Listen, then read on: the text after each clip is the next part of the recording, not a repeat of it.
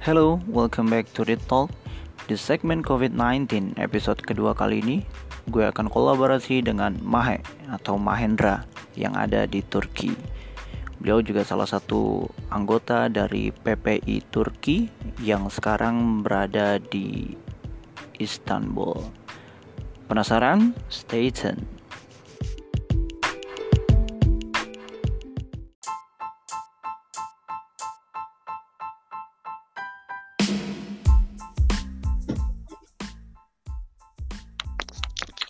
Halo, assalamualaikum. Kembali lagi di Read Talk. Uh, sekarang gue lagi mau nanya-nanya tentang COVID-19 yang ada di Turki dan gue nggak mungkin sendiri karena gue punya teman Mahe atau Mahendra. Hei, boleh dong kenalan dulu nih ke teman-teman. Oh iya boleh. Uh, Assalamualaikum warahmatullahi wabarakatuh. Nama oh. aku Mahendra, biasanya dipanggilnya Mahe. Kebetulan sekarang lagi di Istanbul kerja kuliah atau cari jodoh? Tiga-tiganya dikumpulin jadi satu pak. Siap siap siap siap. Di mana nih? Di universitas apa he? Jurusan apa? Siapa okay. tahu kan pendengar gue. Ah iya. Ini lagi kuliah di Istanbul Sabahatin Zaim University. I see. Uh, Islamic Studies. Lagi ngambil konsentrasi hukum Islam. Hmm hukum Islam di Turki S2 menarik Istanbul Zaim Sahabatin ya. Nah, Sahabatin Zaim. Sahabatin Zaim. Oke, eh COVID-19 nih. What do you think? Yang pasti setiap kebijakan setiap negara ini ya, termasuk Turki. Turki ini ngambil yang model uh, dia manggilin seluruh masyarakat yang ada di sekitar Turki, baik dari Eropa maupun mancanegara, dipanggil masuk ke dalam terus dikarantina sob. Oke. Okay. Eh, tapi by the way, uh, Turki itu yang apa sih dia sistem kenegaraannya? Sistem kenegaraannya itu sempat berubah yang dulu di awal. Terus sekarang makai presiden. Presiden ya? Oh, hampir sama sebenarnya kayak Indonesia ya. Ini di awal-awal 2008 2009 itu make sistem presiden ini presiden presidensial. Presidensial, oke. Okay. Kalau sekarang juga iya, masih sampai sekarang. sekarang. Uh, oh. sekarang itu dulunya pakai ini perdana menteri. Oh dulu perdana menteri. Oke oke. So so lanjutin dong kebijakan apa aja sih yang diambil Erdogan? Erdogan kan sekarang? Uh, ya iya. untuk Turki. Didoain aja masih gitu. Iya, yeah, gimana kebijakan apa aja nih sejauh ini uh, sampai detik ini? Yang dia sebenarnya lebih neken ketika wabah ini datang ya, langsung neken ke arah ekonomi sih sebenarnya. Hmm, hmm, hmm. hmm. gimana? dia, uh, kebijakannya gimana? Dia sempat ngasih tahu langsung eh, yang pertama sih sebenarnya kayak gini ketika wabah itu datang bertahap eh, apa namanya eh, dunia akademisi pendidikan itu ditutup sementara untuk nanti tanggal 30 ini dijadiin kelas jauh kelas online mm -hmm. Mm -hmm. terus untuk anak-anak yang SMP SD sampai SMA atau SMK bahasa kita itu mm. dikasih mm. dikasih paket data untuk uh, di seluruh siaran di Turki itu untuk menyiarkan uh, mata kuliah-mata kuliah penting buat ujian. Mm. Terus kemudian berlanjut penutupan ini, penutupan universitas, nggak ada kontak sosial di sana. Sekarang mm. arahin ke ekonomi. Ekonomi oh. itu dia pergi ngelontorin sekitar kalau aku nggak salah kemarin baca itu sekitar uh, lebih dari satu satu bilion dia bilang sih. One billion dollar mungkin nanti di total bertahap. Untuk untuk? Uh, banyak hal. Yang pertama dia yang pertama yang dilakuin itu selain no uh, yang pertama orang-orang yang umroh dipanggil ke Turki yang masih umroh waktu mm -hmm. itu. Oke. Okay. dipanggil bank di Turki terus dikarantina. Oke. okay Nah, di karantina. Nah, di situ awal mula mereka langsung diperiksa massal yang kayak rapid test itu. Oh, langsung. Oh, itu. Jadi kelompok pertama yang di rapid test itu rata-rata dari uh, ini ya, umroh ya, orang-orang yang umroh hmm. ya. Oh, uh, dikumpulin, okay, okay. kumpulin di Konya sama di Ankara. Kemudian hmm. kelompok selanjutnya itu orang-orang yang bekerja sama yang emang tinggal di Turki. Eh di, di luar Turki, oh. maaf. Oke. Okay. Luar... sama seperti juga jadi kayak yang ekspatriat dan lain-lain gitu itu dipanggil uh, hmm. terus difokuskan di Ankara itu juga setelah pemanggilan-pemanggilan itu itu mulai meningkat angka-angka yang uh, terjangkit tes corona sama yang meninggal. Oh, Oke, okay. kalau boleh tahu sampai saat ini berapa he jumlahnya? Uh, terakhir ini kemarin 1562 yang positif yang meninggal ada sekitar 56 yang meninggal. Oh. Banyak juga ya. ya itu pertumbuhannya sih gimana? Sa belum ada yang disembuhkan? Belum ada yang sembuh. Wow, artinya apa? Dari hari ke hari peningkatan yang positif maupun yang meninggal itu cukup signifikan ya kalau di Turki sendiri ya? Signifikan, itu drastis. Dia ngelakuin lockdown nggak sih he, di sana? Uh, sekarang uh, tiga hari yang lalu mereka manggil mahasiswanya yang kuliah di luar negeri untuk ke kembali ke Turki. Terus mereka difokuskan hmm. di dan Sakarya di rapid test juga. Dan itu angka oh. itu melonjak tinggi. Uh-uh. Setelahnya uh, dua hari sebelumnya Turki langsung ngadain jam malam. Jadi emang semuanya dibatasin jam 11 eh jam 10 dan jam 11 itu udah mulai ada jam malam patroli. Oh, I see. Jadi baru sebatas itu ya dan oh jam malam ya jam malam. Ini kalau kalau jam malam tuh kayak di Saudi Arabia baru-baru ini juga dia menerapkan jam malam. Kalau di Saudi kata Nezat tadi uh, kita juga uh, apa namanya on podcast uh, Nezat bilang di Saudi dari jam 7 malam sampai jam 6 pagi. Kalau di sana jam berapa? Uh, di sini mulai jam 10 malam sampai kembali ke jam kerja berarti jam 10 sampai jam 9 pagi.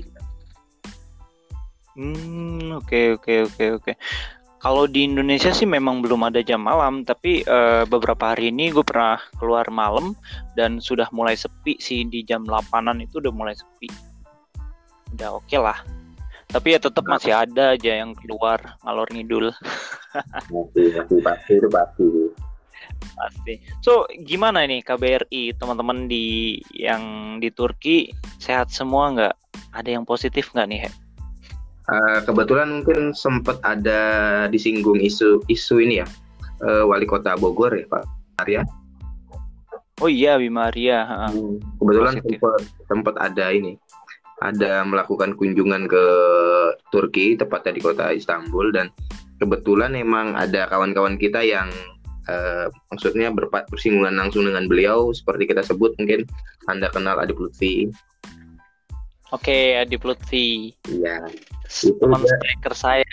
Iya itu teman itu dia ini uh, kemudian uh, pihak KJRI cuma melakukan uh, tracking tra tracing ya tracing. Ya. Yeah. Pak Bimarnya melakukan perjalanannya ke mana aja. Uh, ternyata yeah, perjabat siapa aja kontak hmm. siapa aja gitu ya. Betul betul. Uh, ternyata beliau juga sempat ke Azerbaijan setelah ke Azerbaijan baru ke Indonesia gitu. Oke. Okay.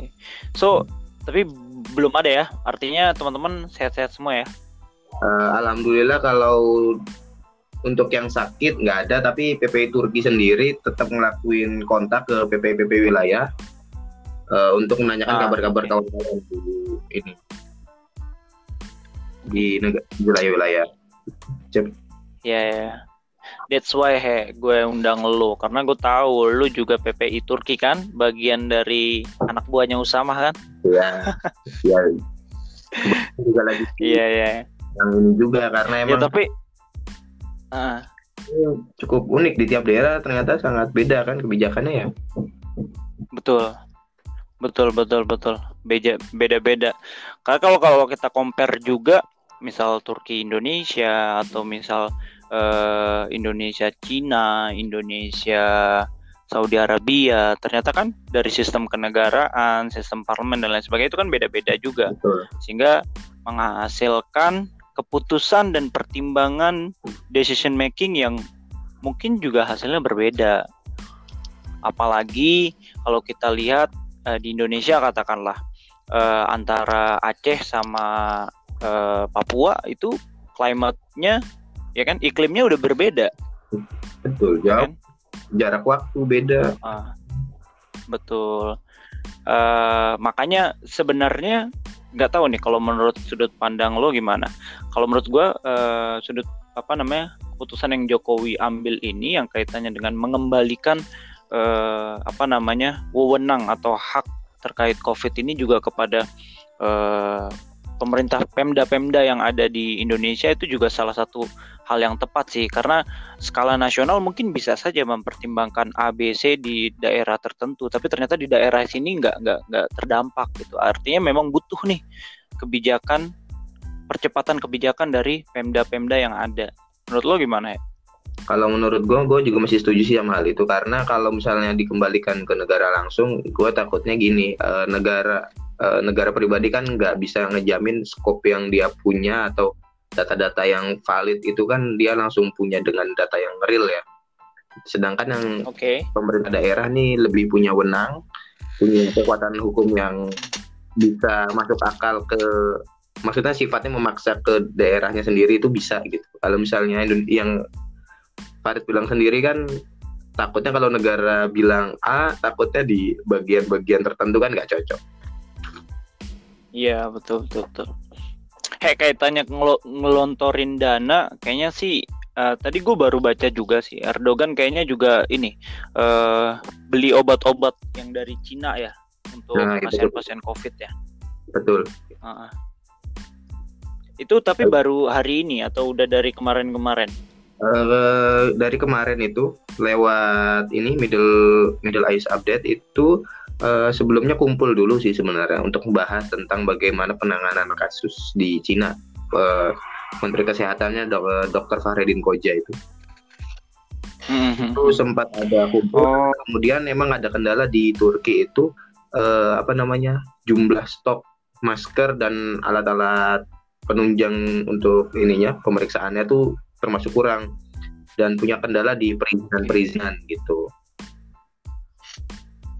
Hmm, oke. Okay. Artinya menurut termasuk yang lama atau termasuk yang cepat nih pemerintahan Turki untuk ngambil kebijakan itu? Keputusan untuk membeli obat-obatan dari Cina. Kalau menurut gua kalau ngelihat uh, karena gini ya kalau gua lihat dari tracking sejarahnya Turki ini sempat punya wabah yang sama dan pernah meminjam uh, dan punya hibah sama negara yang sama gitu. Hmm, oke oke oke oke. Artinya cukup cepat cukup ya. Cepat.